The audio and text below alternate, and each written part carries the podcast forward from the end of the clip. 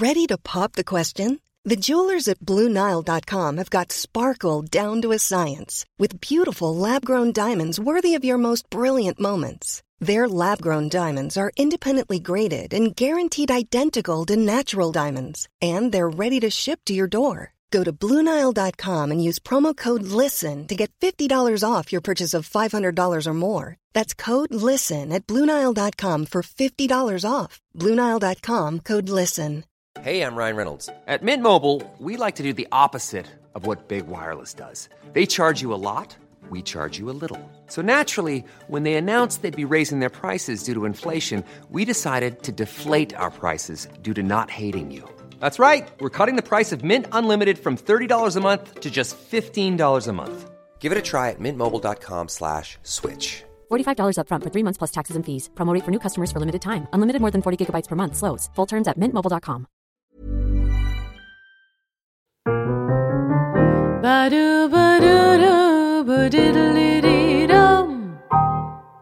Kära lyssnare, kollegor, älskare och vänner. Här är Burleskpodden.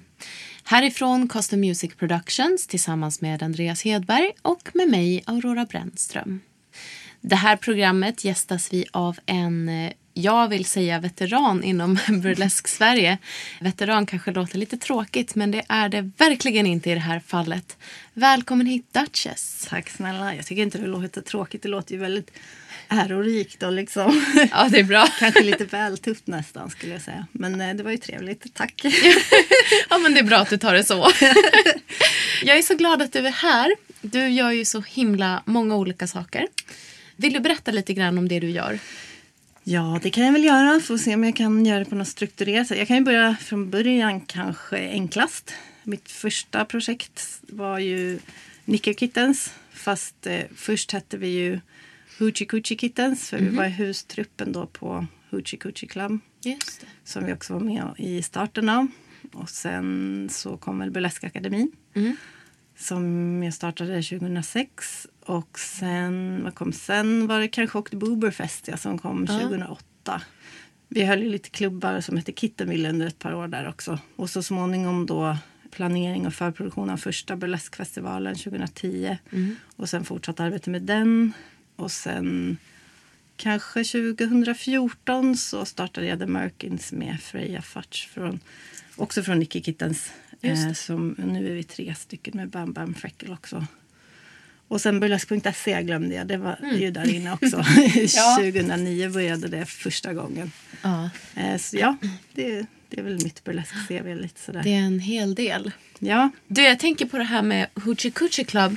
Som, eh, det är ju flera av mina gäster som har nämnt just den klubben. Ja. Som har varit någon slags startklubb kan man säga för svensk burlesk. Absolut. Vill du berätta lite grann om den klubben?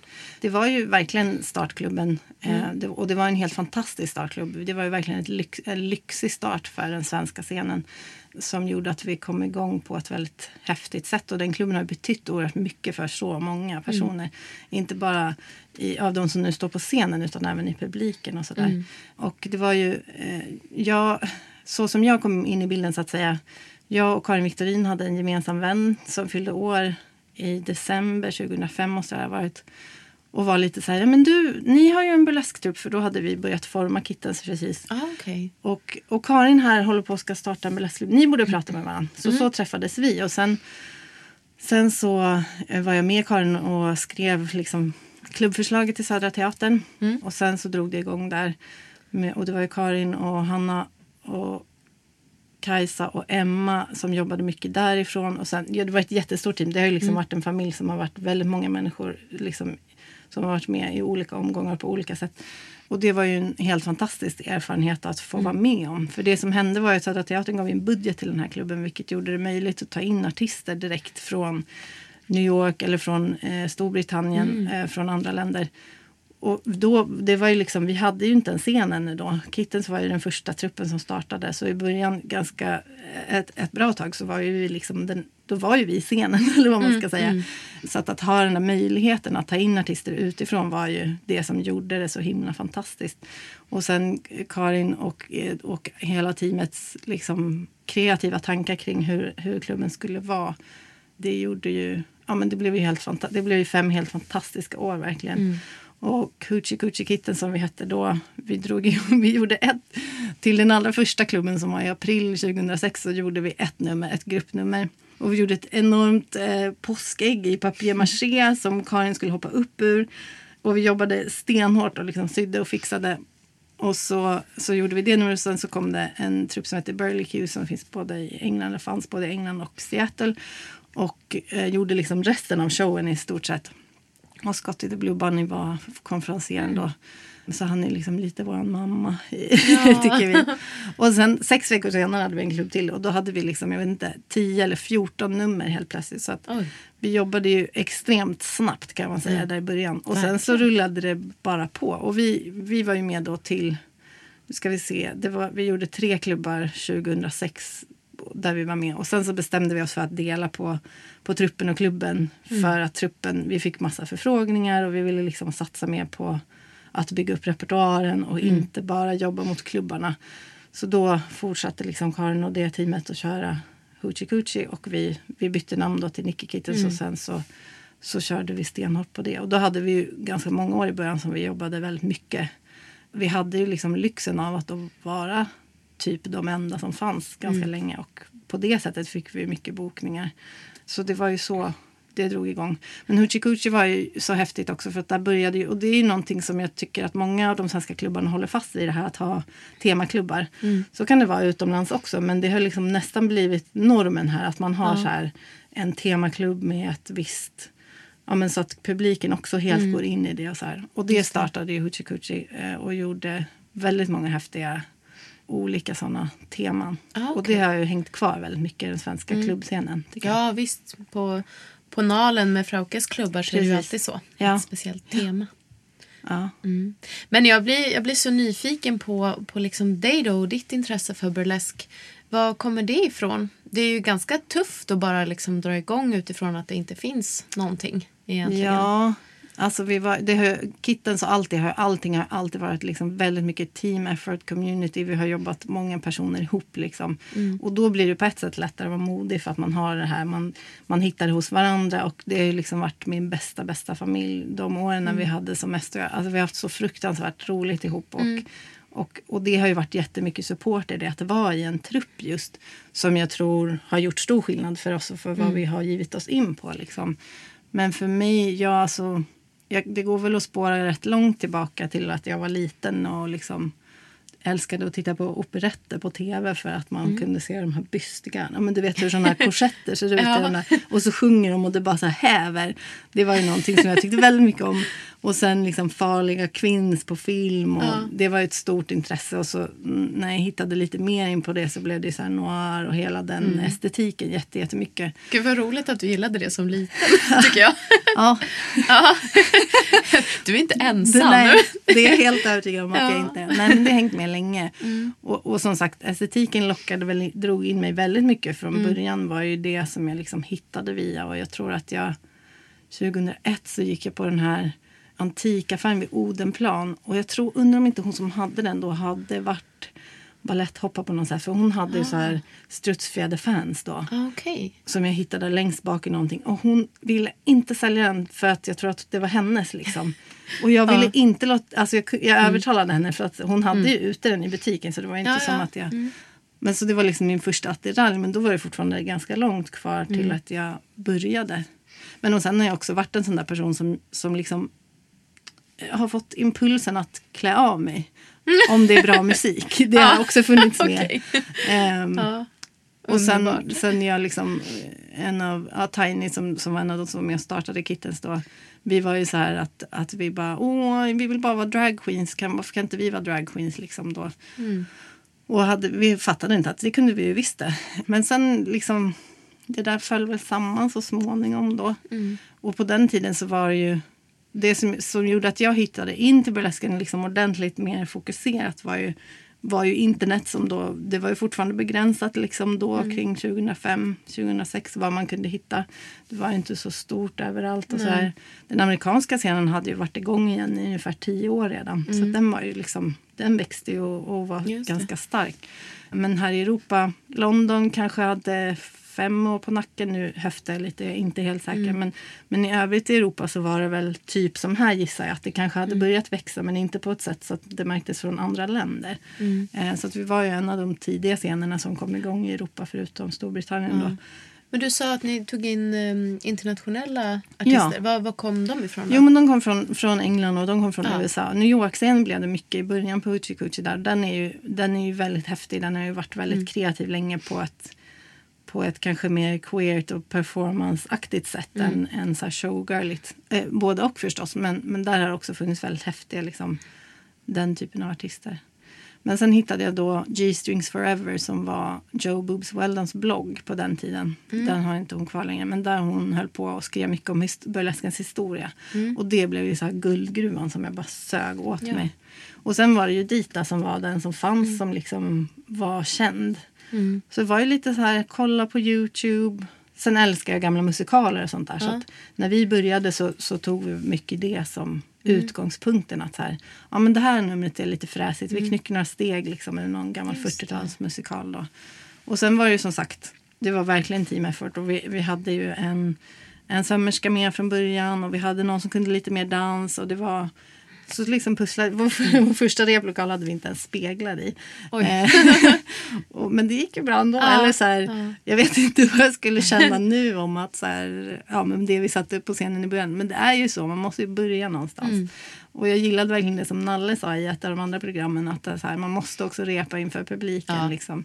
Jag är absolut en sån person som tycker att man ska repa jävligt mycket innan publiken också. Mm. Men ja, sen, sen man ska liksom ha det publikvärdigt. Men sen blir det ju, sen så är det ju inte klart. Nej. Sen så händer det ju på scenen. Liksom. Visst. Absolut. Ja.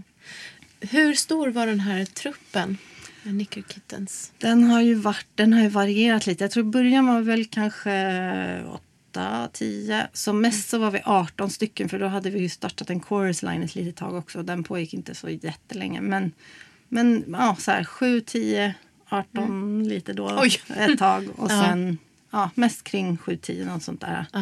Så ja, det har ju varit väldigt mycket, mycket arbete runt omkring också. Mm. Eh, lite sentid liksom om man jämför med allt det arbetet som har gjorts. Då. Men hur fungerar det då när man byter ut medlemmar eller Ja. som det tillkommer, det, det faller bort? Hur, hur behåller man liksom, om man säger strukturen på det? Ja. Ja, alltså det är, det är inte helt lätt och det är, det är klart att det kommer vara förändringar hela tiden. Och framförallt för oss så var det, vi hade ju inte egentligen någon aning om vad vi gav oss in på heller. Och av den allra första liksom, gänget så var det också så fort vi liksom riktigt kom igång sen så var det flera som bara, nej men det här har jag nog inte tid med i mitt liv. Liksom, det här var en rolig grej som jag hoppade på. Så det var ju förändringar ganska tidigt redan på det sättet. Men då kom det också till folk ehm, som hade sett oss de första klubbarna och var så här, ah, hur får jag, kommer jag upp på scenen liksom? Ja. Som vi då tog med in i truppen också. Så, sen så var vi ganska, ja, jag tror så här 2007 till 2009, 2010 så var vi en ganska fast skara. Det var då vi Okej. jobbade som mest också, reste som mest. Och då, ja, man kom ju oerhört nära varandra liksom. Det, det, det är verkligen en så familjekänsla på det. Sådär. Men det är klart att sen, sen livet går vidare. Folk skaffar barn eller flyttar eller andra jobb och så. Det är inte alltid... Det, och det, var liksom, det krävde jättemycket tid och, och vi gjorde ju så att vi pumpade tillbaka alla pengar in i truppen. Så att vi då kunde resa till Las Vegas, vi kunde resa till New York och vi kunde göra alla de här sakerna. Men det var ju då inte heller någon som fick betalt. Ja. Och det tror jag också var en sån grej när vi kom till en tröskel. För till en början så kunde vi väl kalla det en hobby även om vi körde ju stenhårt på det professionella. Det var ju någonting som förenade oss väldigt mycket. Att det var en viktig punkt för oss att eh, det spelar ingen roll om, om vi får betalt eller inte. Men den, nu, det här är liksom 100 procent. Sen kom vi väl till någon slags tröskel när det blev så mycket så att det kändes som att vi skulle behöva göra om den här strukturen och hur det skulle funka. Och, och det var ganska svårt. Alltså det är svårt att växa också. Det är svårt att börja i, i, i något slags eh, situation och sen kommer man till en annan situation. Det har varit folk som har försvunnit ett tag och sen kommit tillbaka Ja, också.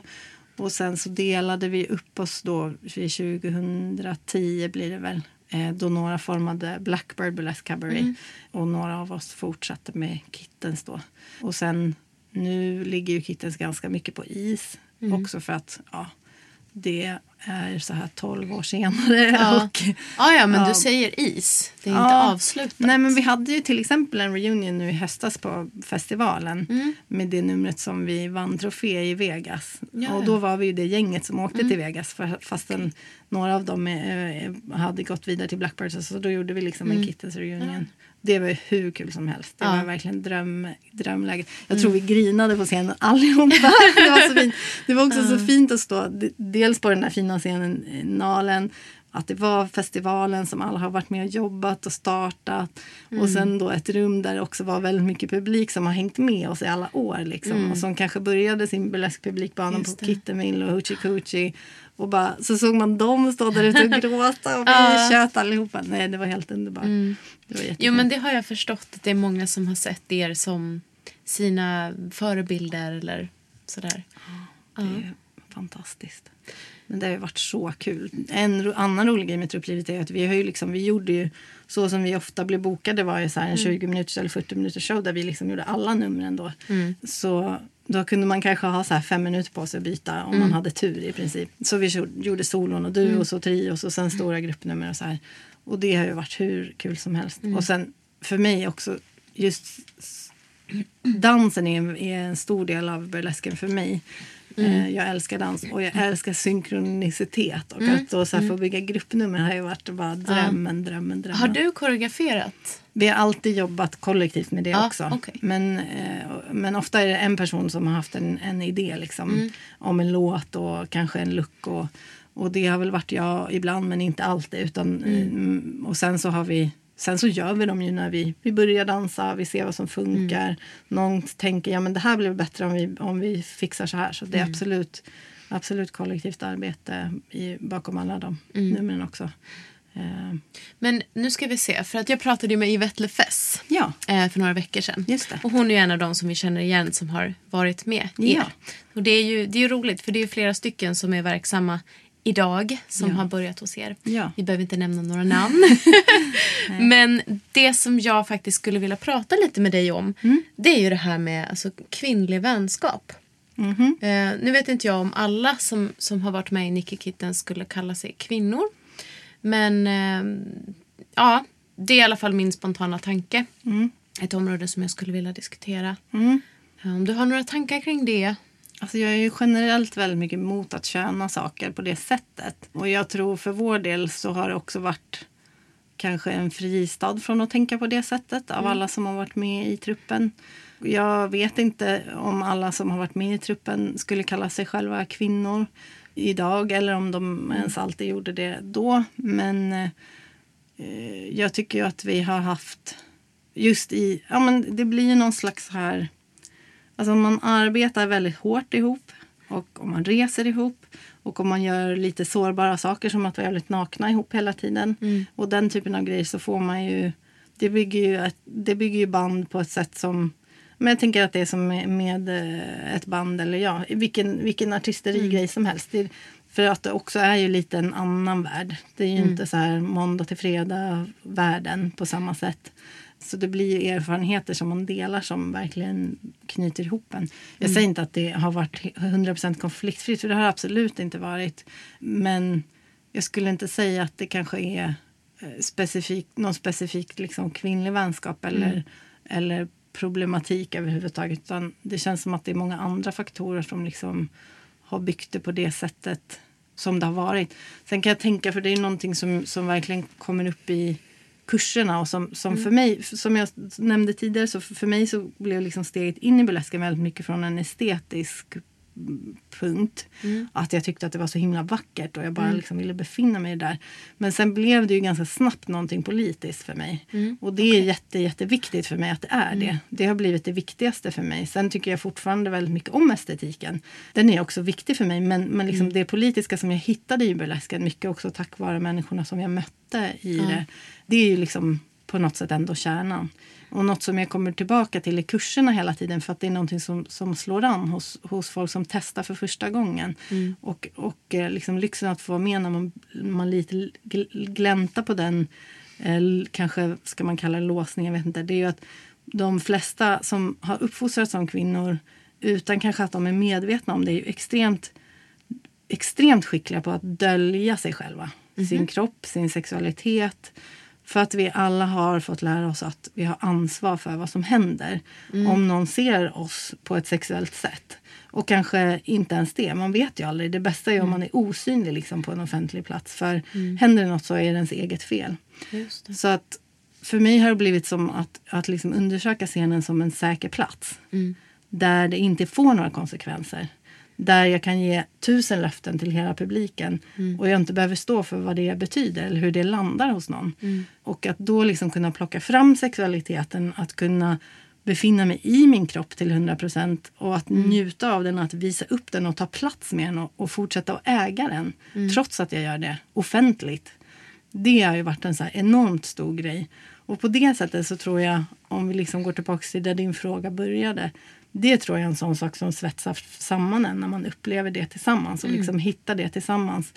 Även kroppspositivism, att liksom älska oss allihopa hur vi ser ut. Vi har alltid varit en trupp som har sett ut på en massa olika sätt. Vi har varit en väldigt vit trupp förvisso för att har, vi har inte hittat så mycket artister i Sverige som inte har varit vita när vi körde. Men vi har varit liksom inom, inom den bubblan då så att säga så har vi varit väldigt många olika kroppsformer och, och liksom identiteter och, och den typen av grejer. Och att få befinna sig, där kan jag väl känna så här att som jag märkt i andra arbetssammanhang att jag blir helt tokig för att om man sitter i ett rum då med personer som identifierar sig som kvinnor eller som har uppfostrats som kvinnor så är det alltid det här. Nej, jag skulle inte äta någon kaka. Jag måste ju tänka på vikten. Mm. Medan vi liksom har byggt en fristad hos oss själva där inte de där grejerna har spelat någon roll. Så att jag tror att på det sättet så, så är det ju helt klart annorlunda. En annorlunda plats. Men, och den, den är, det är inte någon liten härlig glänta som bara existerar utan det är också något man måste bygga åt sig själv och ta för sig av. För att det, det är svårt att bryta ner alla de där eh, grejerna. Det är så djupt liksom, inrotat i en. Eh, men det är också typ den bästa känslan som finns när man lyckas göra det. Även om det bara är tillfälligt.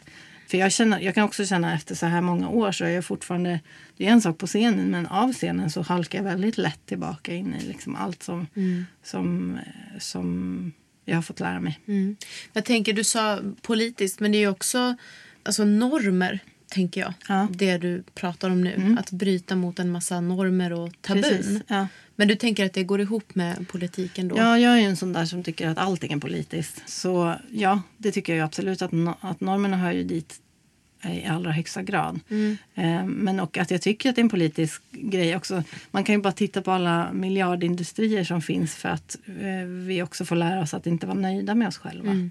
Alltså, det, ju, det skulle ju typ leda till ekonomisk kollaps om, om man plötsligt bara Nej men eh, jag är bra som jag är och det är precis så här jag ska vara.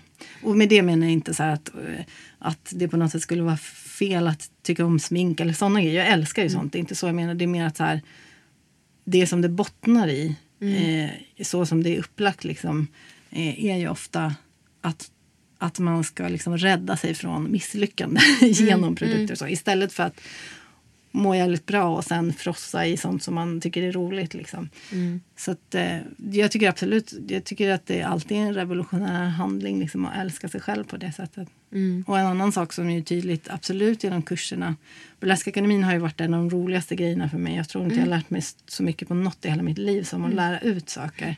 Men där är ju också en gemensam nämnare där är ju också att det spelar ingen roll oavsett egentligen nästan i princip, och det här är ju djupt sorgligt, är ju att alla som kommer in i lokalen har någon typ av komplex. Liksom. Det spelar ingen roll hur de ser ut. Det kan vara någon som ser ut som har trillat av liksom, framsidan på ett modemagasin. Men det är ändå liksom... Ingen känner jag är okej som jag är. Ingen känner att den trivs så. Men det går ju att låsa upp det där med lite jobb. Och, och det tycker jag att burlesken är också en helt fantastisk liksom, eh, metod för. Om man säger så. Ja. Finns det några, liksom, du har ju undervisat väldigt mycket då som jag har förstått. Träffat mycket folk som har velat Ja. komma in i burleskvärlden. Finns det något generellt man kan säga liksom, att det här är någonting som de flesta har komplex för? Kan du se, förstår du vad jag menar? Att, att du liksom, kan du se något generellt som speglar samhället? Ja, alltså det är ju just det där att det är väldigt fokuserat på utseende då förstås. M- Men också, mm, också den, den då rädslan för att släppa fram eller ta plats med sig själv. Eh, det, det är väl liksom kärn, det är väl kärngrejen skulle jag säga. Just det. Och där, precis som, eller så jobbar vi på Burleskakademin att vi har en grundkurs som är så här, den passar för alla. Oavsett om man inte har något intresse av scenen eller inte. Alltså att, att liksom ta sig upp på scenen. Så jag tycker att burlesken som metod för att liksom hitta självkänslan är också helt fantastisk. Och sen, sen så tycker jag att det också är en annan grej sen att ställa sig på scenen. Det är också något från Joe Boobs att, att så här, kom ihåg att det inte är, det är inte terapi. Du jobbar som underhållare. Och så här, det, det kan vara både och. Men jag Ja. tänker att så här, när, det, när det är på scenen så ska man också komma ihåg att det är ett jobb. Så det är liksom min filosofi lite. Men jag älskar det också som, som terapimetod. Liksom. Ja, just det. För att det har betytt så mycket för mig själv och också liksom att se att se ljuset tändas i ögonen på någon i lektionssalen. Det är så obetalbar feeling. Liksom. Mm. Ja, Jag förstår det. Ja. Vad, är det liksom det som driver dig också, eller som, som drev dig att starta akademin? Att få, få ge andra människor det, den känslan? Ja, eller liksom, jag tror att jag såg det mer som en så verktygslåda. Att, att nu har jag börjat samla på mig verktyg och då vill jag dela med mig av det. Och eh, de första vä- vännerna som jag hade inom scenen var ju liksom utomlands då. Det var ju USA och så här. Så jag tog väldigt mycket influenser från dem och fick mycket hjälp och liksom rådgivning. Och där kan jag känna ibland att, att jag tycker att den amerikanska scenen till exempel är bättre på det här med, med att man aldrig är färdigutbildad utan att man bara fortsätter och lär sig och lär sig och lär sig. För så känner jag ju själv. Jag går alla workshops jag kan. Liksom. Okej. Eh, jag älskar det. Jag tycker att det är helt fantastiskt och roligt. Och det, ja, jag kommer alltid därifrån och känner mig liksom, som jag har lärt mig någonting. Och det tycker jag är en så viktig ödmjukhet också. Så jag tror att man tjänar på, återigen, det här med att ett nummer blir färdigt. På, att man inte ska, jag tror att det är bra om man inte känner att man blir klar. Liksom. Det tror jag är en farlig grej att fastna i. Utan att det är viktigt att man liksom alltid fortsätter undersöka också vad, vad man sysslar med och varför och sådär. Ja. jag blir glad när du berättar det. att det. För så kan jag också känna liksom, att det, det är härligt. För att annars så tröttnar man ju på sig själv också kanske. Ja, Mm. men framförallt att det finns så mycket där ute att lära sig. Alla har ju liksom ett olika perspektiv. Även om du kanske Även om du inte kanske kommer ifrån en workshop med en ny stegkombination för att den hade du gjort förut så får du ju höra om någon annans resa och få någon annans perspektiv och framförallt liksom omsätta det liksom för dig själv också. Att- Men jag är en sån, jag älskar att lära mig på alla sätt så jag fortsätter ju plugga och sånt där också för evigt. Okej. Annat än, än liksom det här då. Ja. Ja. Eh, eller allt hänger ihop. Ja. Ja, ja. Nu pluggar jag en master i genusvetenskap. Ja, okej. Ja. Jag har också läst genus. Mm. Fast jag kom inte så långt. Mm. har du alltid tänkt att du ska upp på scenen? Alltså, jag ville bli bonde tills jag var sex år gammal och då ville jag bli moviestar. Då, jag kommer inte ihåg vad som hände längre. Jag kommer bara ihåg att det var något så här... Det, det, det, är ju det jag ska bli. Men Ja, sen hade jag... Från bonde. Ja, från bonde till moviestar. Det gick snabbt. Och sen så när jag var typ 12-13 så, så spårade jag ur på det sättet att jag blev ganska deprimerad och jag liksom inte kunde tänka mig att vara synas inför folk överhuvudtaget. Jag blev extremt tillbakadragen. Jätte, jätteblyg, social fobi, panikångest, hela liksom den biten. Så då blev det lite som att jag fick justera mina drömmar. Och då blev jag lite så här, jag ska väl typ stå bakom kameran eller jag kanske kan skriva något så att jag kan sitta kvar på mitt rum och liksom inte behöver vara ute i världen. Men innan dess så var det liksom så här ballett och showdans och step och hela biten. Och sen liksom stängde jag bara ner totalt när jag blev tonåring. Och det, så det tog ganska lång tid för mig att ta mig ur. Och det var väl mycket burlesken. Det var då jag kände så här att jo men det här är någonting som funkar för mig. Även fast jag inte gick klart alla de där skolorna och liksom blev den där perfekta showartisten. Här, kan jag hitta, här, kan, här får jag liksom götta mig i all den där flärden som jag alltid har älskat. Men på mitt eget sätt. Så det var ju mycket så att ja, det fanns väl kvar där inne men det var väldigt svårt för mig att ta fram. Och så är det för mig fortfarande. Jag, jag är lite så här... Jag bygger upp grejer och sen så hamnar jag igen det där att jag bara, nej men gud jag kan inte ställa mig på en scen. Det är ju folk där ute som tittar. Så att jag, på det sättet har jag väl kanske varit egentligen sämst på att bygga min egen solokarriär. Ja, okej. För det har alltid varit lättare för mig att här, satsa på något där andra människor är inblandade. Ja, ja. Liksom. Ja, du sa ju det till mig innan vi började intervjun här att, att du tyckte att det var lite jobbigt ibland att prata inför folk. Ja, jag är en jätte, jätteblyg person. Jag var Är det jätteblyg. verkligen så? Ja. Ja. Ja. Och det får jag ibland höra så här, nej men det kan väl inte du vara. Mm. Du står ju på en scen och klär av dig. Och, och på ett sätt så kan jag förstå att man tänker så. Mm. Eh, men, men Duchess har ju också alltid varit för mig det var lite så Duchess formades som den här personen som jag önskade att jag vågade Ja. vara. Liksom. Mm. Och sen har vi närmat oss förstås. Hon har väl blivit lite mer feg men jag har också blivit mer modig i att kunna Ja. vara Duchess. Men det blev ju, och det var roligt för det har jag hört flera som har sagt i podden att, att man har tänkt sig att ens persona är på ett visst sätt och sen blir det något helt annat. Och lite så var det väl för mig också. att Jag, jag kom ju med den här, ja men du är ju en Marilyn-älskare. Jag kom ju också med den här, så här storbystade blondin Ja. eh, grejen som jag tänkte att det ska vara. Och du, om du tittar på mig nu så ser du att jag är väldigt ej blond och väldigt ej storbystad. så det var ju liksom redan där var det lite svårt att komma in på den. Men det var ju någon slags bild som jag hade så här. Men och sen så blev det Duchess är kanske lite svalare liksom än vad jag hade trott. Och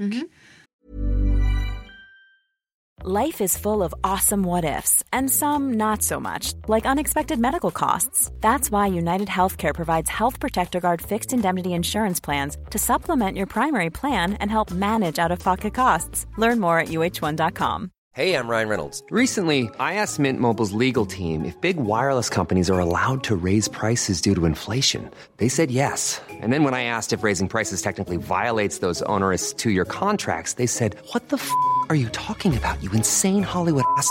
F- So to recap, we're cutting the price of Mint Unlimited from $30 a month to just $15 a month. Give it a try at mintmobile.com slash switch. $45 upfront for three months plus taxes and fees. Promo for new customers for limited time. Unlimited more than 40 gigabytes per month. Slows. Full terms at mintmobile.com. Since 2013, Bombas has donated over 100 million socks, underwear, and t shirts to those facing homelessness. If we counted those on air, this ad would last over 1,157 days. But if we counted the time it takes to make a donation possible, it would take just a few clicks. Because every time you make a purchase, Bombas donates an item to someone who needs it. Go to bombas.com slash ACAST and use code ACAST for 20% off your first purchase. That's bombas.com slash ACAST, code ACAST. Och jag är egentligen en sån här som jag bara älskar ju mer så konceptnummer och humornummer. Men så fort jag ska göra ett nummer själv så blir det bara glam av det. Ja. Så det, ja, vi får väl se hur, hur hon utvecklas, om hon utvecklas något Ja, mer. ja. Men, men ehm, ja. Ja, jag sitter och funderar på hur jag skulle, hur jag skulle beskriva Duchess. På ett sätt så är det ju en femme fatale. Fast, Wow, fast med det beslöjad... Alltså du är ju ja, graciös på något sätt. Oj. Men med en så här powerful edge. Det låter ju jättehärligt. Ja men det är jättehärligt.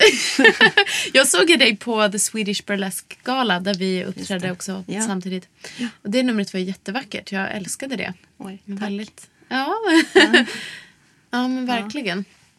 Så himla vackert. Och, och, nej, jag tycker liksom de gånger som jag har sett dig, Mm. både liksom solo eller ihop med eh, någon trupp, så, Mm. så inger du ju, liksom, du ger ju till publiken en känsla av att här, tada, jag intar den här scenen. Och det, så jag tycker inte alls att det låter konstigt att folk tycker det låter konstigt när du säger att du är blyg. Ja. Förstår du? Så. Det är väldigt eh, intressant att höra det sådär utifrån för att det, det tror jag inte själv. Jag blir blyg bara du säger så. Generad. Men jag, jag har ju väldigt roligt och, och jag har, det är väl kanske det som har hänt mest med mig. Att jag blivit bättre på att ha roligt på scenen också. Jag är fortfarande nervös. Och det tror jag att jag vill vara också. Jag tror inte att det är lika roligt om det känns som ingenting liksom. Nej. Men, men ehm, det tog en ganska lång tid att liksom nå punkten när jag kan komma ihåg ens jag, när jag kliver av scenen, att jag kommer ihåg att jag varit på scenen. Liksom. Att vara närvarande i det. Och då är det ju roligt. Men sen är jag är en sån där, det är bara att fråga min stackars trupp. Jag, som, för när jag, liksom, jag periodar ju då när jag bara nej, jag kommer aldrig kunna stå på en scen igen. När jag liksom bara känner att det är omöjligt. Och sen står jag på en scen och så har jag skitkul. Liksom. Mm. Så att eh, ja, de är väldigt tålamodiga. Som, som, som står ut med mig. Ja, Men vad är det det här kommer ifrån? Är, är du också påverkad av det här att ha svårt att ta plats? Eller kan det vara någonting annat du känner? vet inte. Jag, alltså jag, jag har någon slags konstig mix av hybris och jättedåligt självförtroende tror jag. Mm. Men och hybrisen kanaliserar jag ofta då i ett projekt där jag blandar in andra människor för då blir det Mm. lättare för mig att så här, hålla, hålla mig kvar i det. Men jag är en, en arbetsnarkoman, jag är en kontrollmänniska av Mm. enorma mått. Liksom, så att, så att jag, jag är så himla tacksam gentemot alla de som har valt att jobba med mig genom åren. För att det har nog inte varit så lätt alla gånger. Tror, Tror jag inte det? Nej, det tror jag inte. Alltså, jag menar, vi har också haft extremt mycket roligt och kärleksfullt och Mm. gjort fantastiska grejer. Men jag, jag ställer jättehöga krav både på mig själv och på andra människor. Och tar på mig alldeles för mycket och Mm. sen går jag in i väggen och så här. Så att det, det är ju inte bara en dans på rosor, verkligen Nej. inte. Men förhoppningsvis har det väl också varit tillräckligt roligt för alla liksom, för att det ska funka. Men, jag, nej, men för att jag kan ju vara så här då, ja, men som Kitten är ju en typexempel på så här, vem får en sån galen idé från ingenting liksom. Och som sagt absolut att det har varit kollektivt men jag, jag har ändå varit så här, ja men nu kör vi, vi drar igång här, ni ska vara med allihopa. Okej, nu bygger vi ett nummer, okej nu bygger vi 14 nummer till, okej nu söker vi till Vegas, okej nu åker vi till New York. Och sen i efterhand bara, men gud, om jag hade stoppat upp och tänkt efter så hade jag väl inte vågat något av det där liksom. Så att den där hybrisen finns ju helt klart där också. Tack och lov ska jag väl säga. För det är ju lett till många äventyr. Ja. Men eh, sen när det kommer till mig själv så, så tycker jag det är väldigt svårt att känna att jag liksom gör något bra egentligen, tror jag. Väl är kärnan i det. Och sen har det också blivit en sån grej att jag underprioriterat min egen solokarriär på det sättet att jag har lagt tid på alla de andra jätteprojekten som jag drar igång hela tiden. Och då tycker jag inte heller nu att så här, om jag ser på mig själv, en film om mig själv så, så tycker jag inte att jag ser någon som har hållit på så länge som jag har. Jag tycker att det borde vara bättre liksom. Jaha. Högre Men- krav på dig själv. Ja, Som, som många har. Ja men jo men det hänger väl ihop. Det, är det inte så? Ska man inte vara trasig för att hålla på med sånt där? Oj, ja. Trasig vet jag inte. Men, Nej, nu men, jag. Förlåt. men jag tycker... det var väldigt förenklat.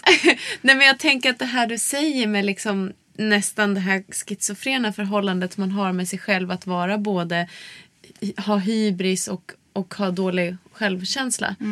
S- Vilket jag, jag kan känna i mig själv och jag tycker att jag liksom träffar folk som, som beskriver det, kanske inte med dina ord men på olika sätt. Liksom att På något sätt så kanske många artister fungerar så och att man liksom slänger sig ut i saker för att hjälpa sig själv.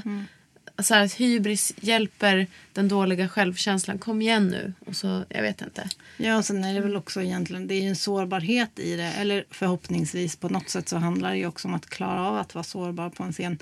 Men det är ju också jobbigt och skört. Mm, Så det tänker jag väl, det är klart att det på, på så sätt hänger det väl ihop. Liksom.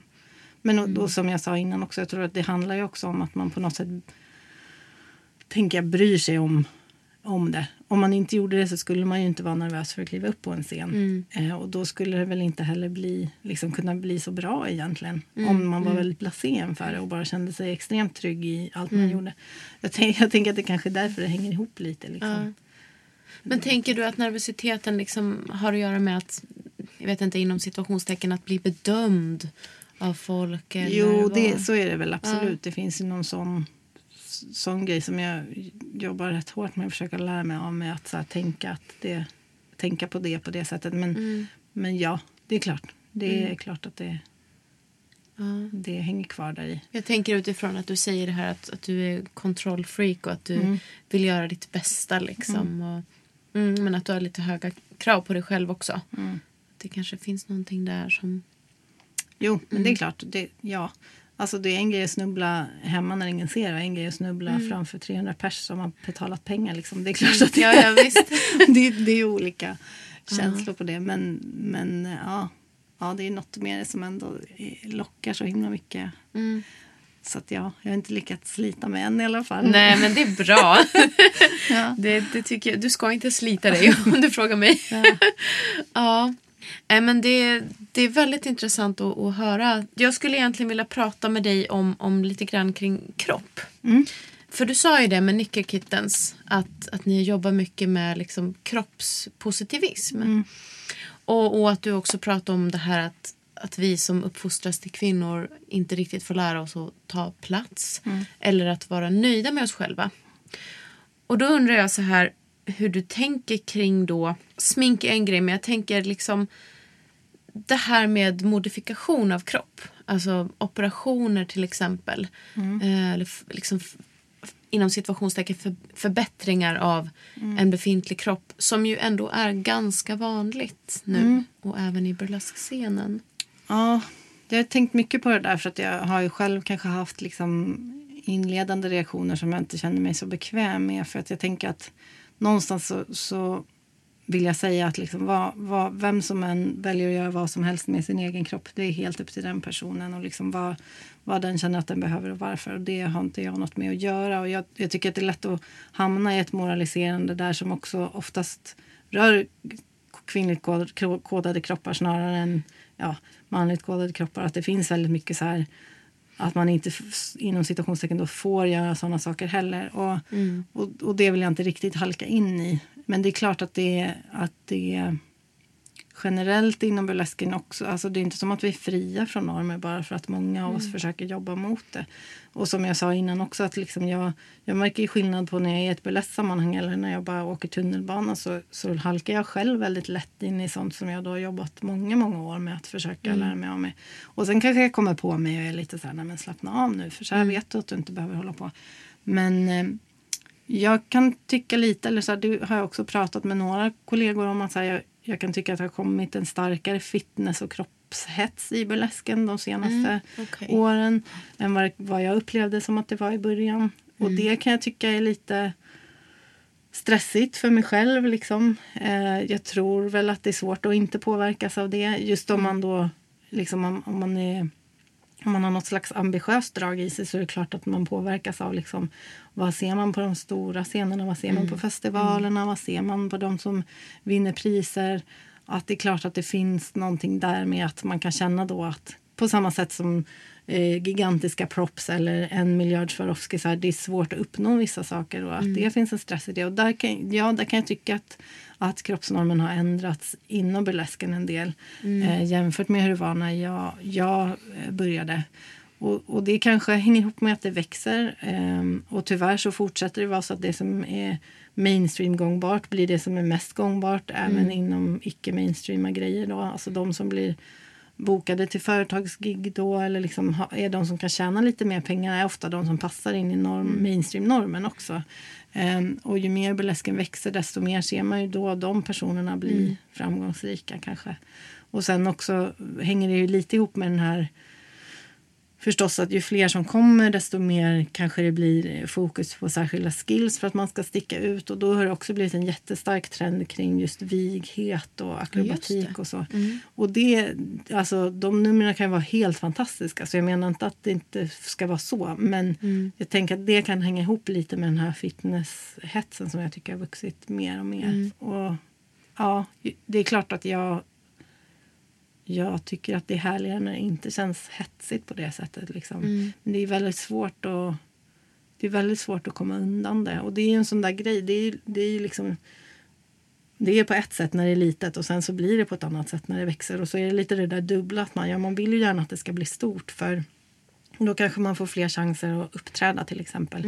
Men det är klart att det alltid förändras då när det närmar sig mainstream på det sättet. Men tänker du att, att det är fel att förstora brösten till exempel? Eller? Nej, jag vill inte liksom lägga någon värdering i det. Utan det tycker jag det är verkligen helt upp till person. För att Det blir så konstigt att dra en gräns där. Men, men inte kanske om man då, jag vet inte, opererar mjälten eller varför ska det liksom... Det, det är väldigt lätt tycker jag att det blir ett moraliserande som blir kopplat igen till kvinnokroppen på Just ett det. sätt som, som jag tycker är liksom onödigt att, att, att ge sig in i. Därför att jag tänker att det är ytterligare ett sätt att liksom förstärka de strukturerna som vill kontrollera och, och sexualisera eller förbjuda sexualisering kring Ja, kvinnokroppen. ja. Så, så där tänker jag så här, det är verkligen upp till var och en. Och det är ju omöjligt att veta någons resa bakom sådana val också. Så att, ja, där säger jag nog pass på att liksom lägga in någon värdering kring. Just det. Mm. Men du pratade också om, om industrin. Alltså det politiska och gentemot industrin. Vill du prata lite mer om det? Du Ehm. nämnde smink som en grej. Det, är ju, det hänger ju ihop med... med alltså på, på ett sätt så tror jag burlesk, för mig så tror jag att burlesken uppstod väldigt mycket i det här. Eller att det som är som gör att publik lockas till burlesken snarare tror jag. Det är ju inte att man får se naket, för det kan man ju se vad fan som helst billigare eh, än att köpa en klubbiljett. Liksom. Utan jag tror att det handlar om just att, att tillsammans med publiken, för burlesken är väldigt interaktiv. Eh, Det är mer så här som stand-up eller clowneri eller någonting än något annat typ av sceniskt för att man har så himla direkt kontakt med publiken. Liksom. Men att man då får bygga upp tillsammans mellan publik och scen så får man bygga upp att det är spännande med kroppen och naket. Och vad finns under handsken? och det är ju egentligen ingen som behöver undra det. Det är inte på, som på 1800-talet när man inte såg en ankel någon annanstans. Liksom. Och jag tror att det är det som är lockelsen, att man så bygger tillbaka mystiken in i det på något sätt.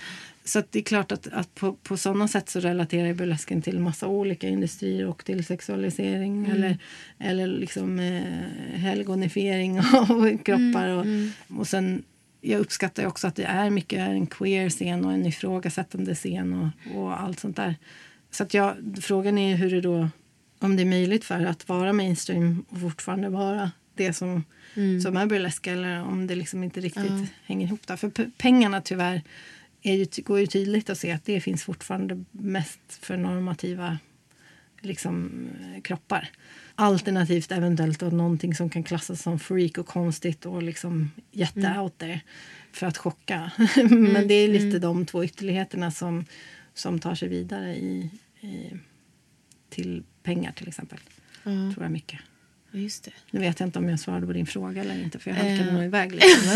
Ja, nej jag tror att jag, jag vet inte heller riktigt men, men eh, nej, jag bara blev lite intresserad därför att jag själv tänker mycket så att så här, min feminism handlar om att också så här, överdriva. Så du ser hur jag ser ut nu. Det beror i och för sig på att jag har jobbat tidigare idag och haft gig. Men ändå. Jag tycker att det är lite kul att så här, överdriva make. Även privat. Mm, men det är väl Som en liten så här, ja, men Jag tycker att det är lite roligt när folk tittar till och bara så här, oj.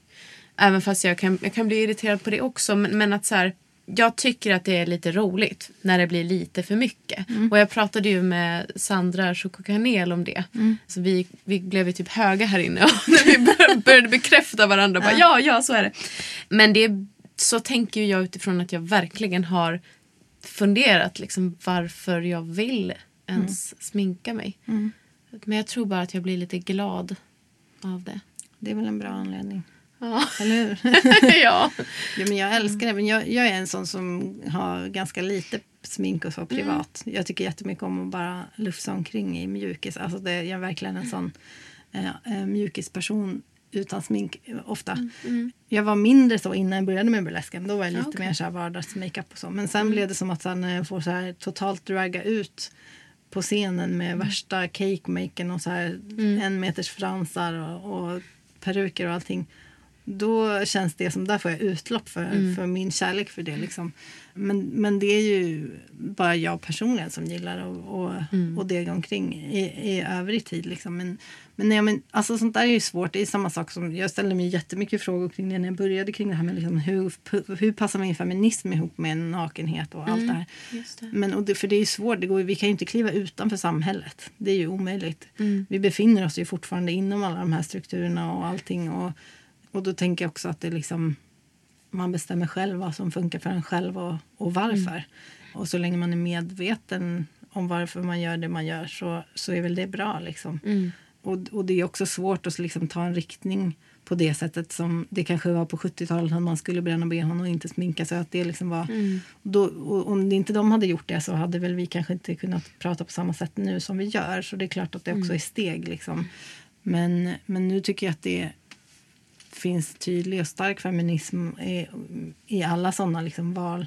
Också att, att, att helt enkelt få bestämma själv hur man vill ha det och varför. Just det. Ja. Ja. Ja. men det är kanske det steget vi håller på att ta nu. Ja. Att Det viktiga är väl att man gör det för sig och inte för någon annan. Liksom. På det sättet att, här, att man inte känner sig tvingad utan att man gör det för att man vill göra det. Mm. Just det. Du som har varit med då ganska länge i Burlesque Sverige. Ja. Kan du se, liksom, vad är den stora förändringen tycker du på scenen från när du började och så över tid till idag? Ja, det mest uppenbara det är ju att det finns en scen. Ja, det är en jättestor förändring. Men det leder ju också till många andra förändringar såklart. Det gör ju att det, dels hårdare konkurrens. Och där kan jag känna att jag har varit bortskämd med hur vi fick börja. Där vi inte behövde uppleva det. För den grejen har varit rätt jobbig för mig att anpassa mig till. Jag gillar inte jag gillar inte den stämningen. Liksom. Nej. Och det förstår jag att den är, den är svår. Och det, men också att så här, jag fattar ju att det är så det funkar. Eh, det är ju all, med all underhållning så, konkurrens och, och, och det är så det ska vara. Liksom.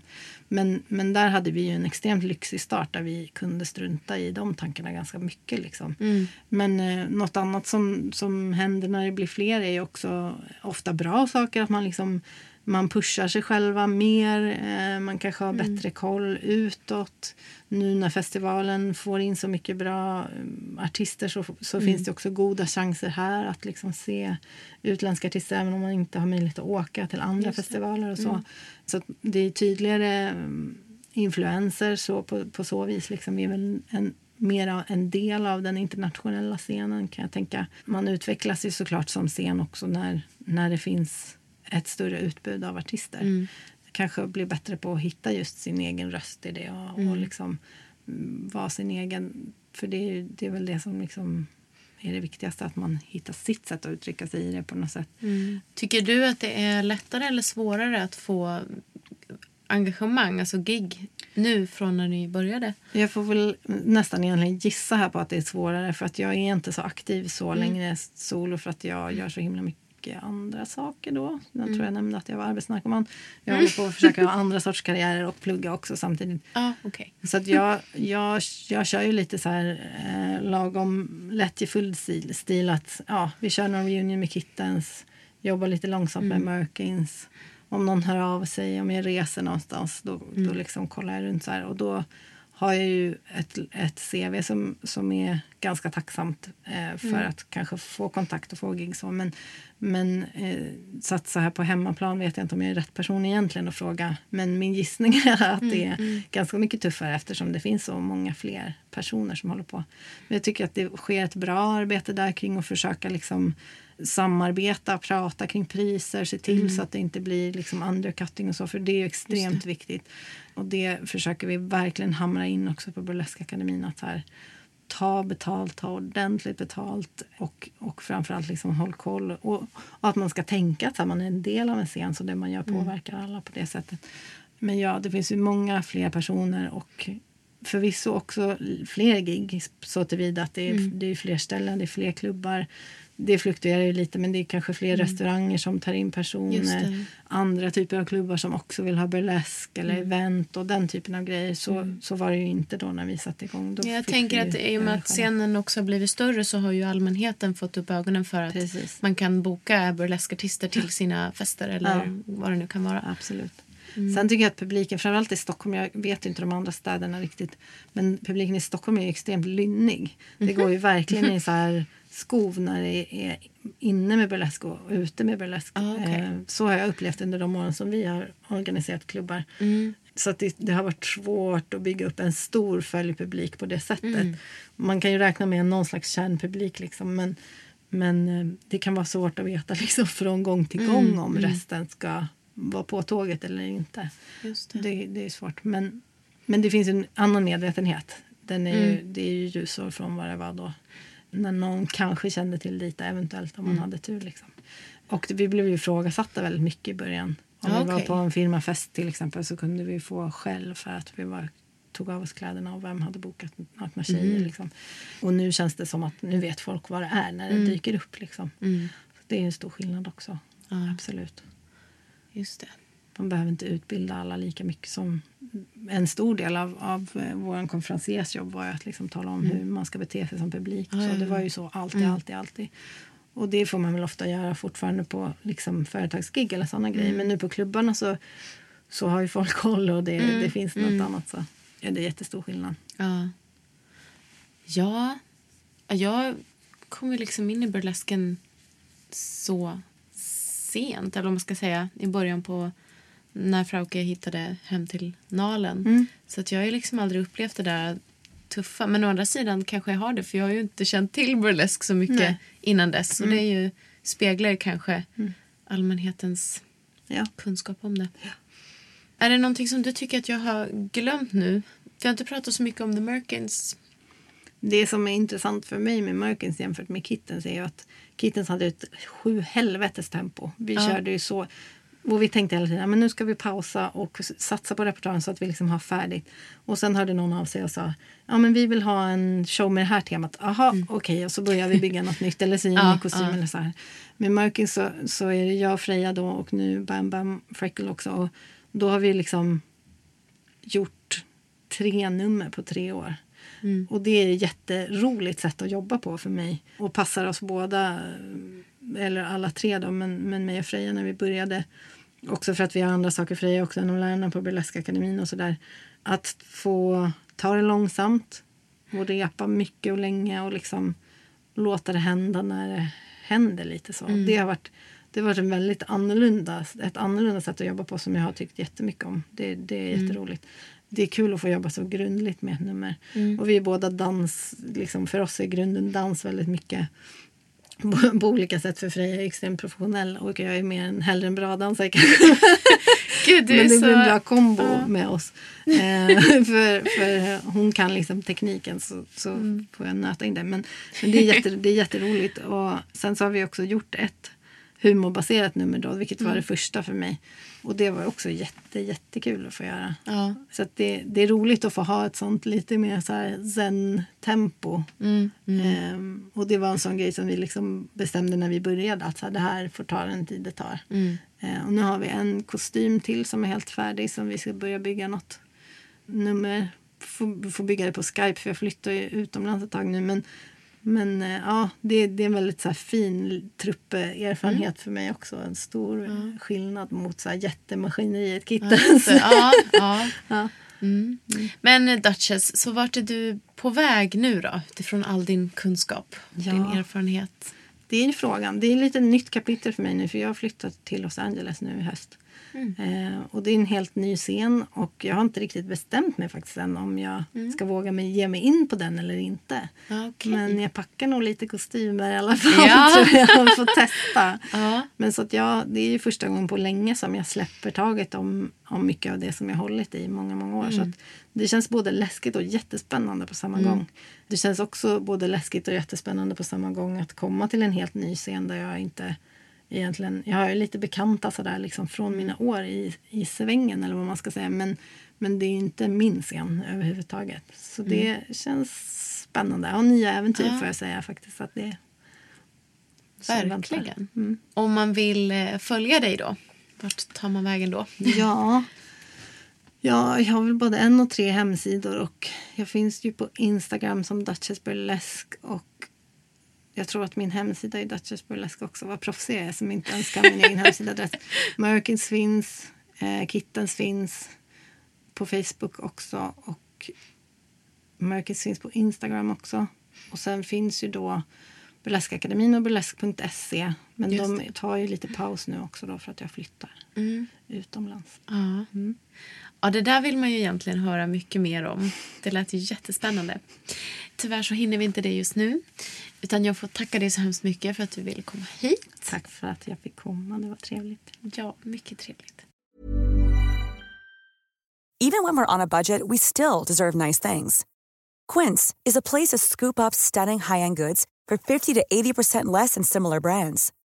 They have buttery soft cashmere sweaters starting at $50, luxurious Italian leather bags, and so much more. Plus, Quince only works with factories that use safe, ethical, and responsible manufacturing. Get the high-end goods you'll love without the high price tag with Quince. Go to quince.com slash style for free shipping and 365-day returns. Imagine the softest sheets you've ever felt. Now imagine them getting even softer over time. That's what you'll feel with Bowl and Branch's organic cotton sheets. In a recent customer survey, 96% replied that Bowl and Branch sheets get softer with every wash. Start getting your best night's sleep in these sheets that get softer and softer for years to come. Try their sheets with a 30-night guarantee. Plus, get 15% off your first order at bowlandbranch.com. Code BUTTERY. Exclusions apply. See site for details.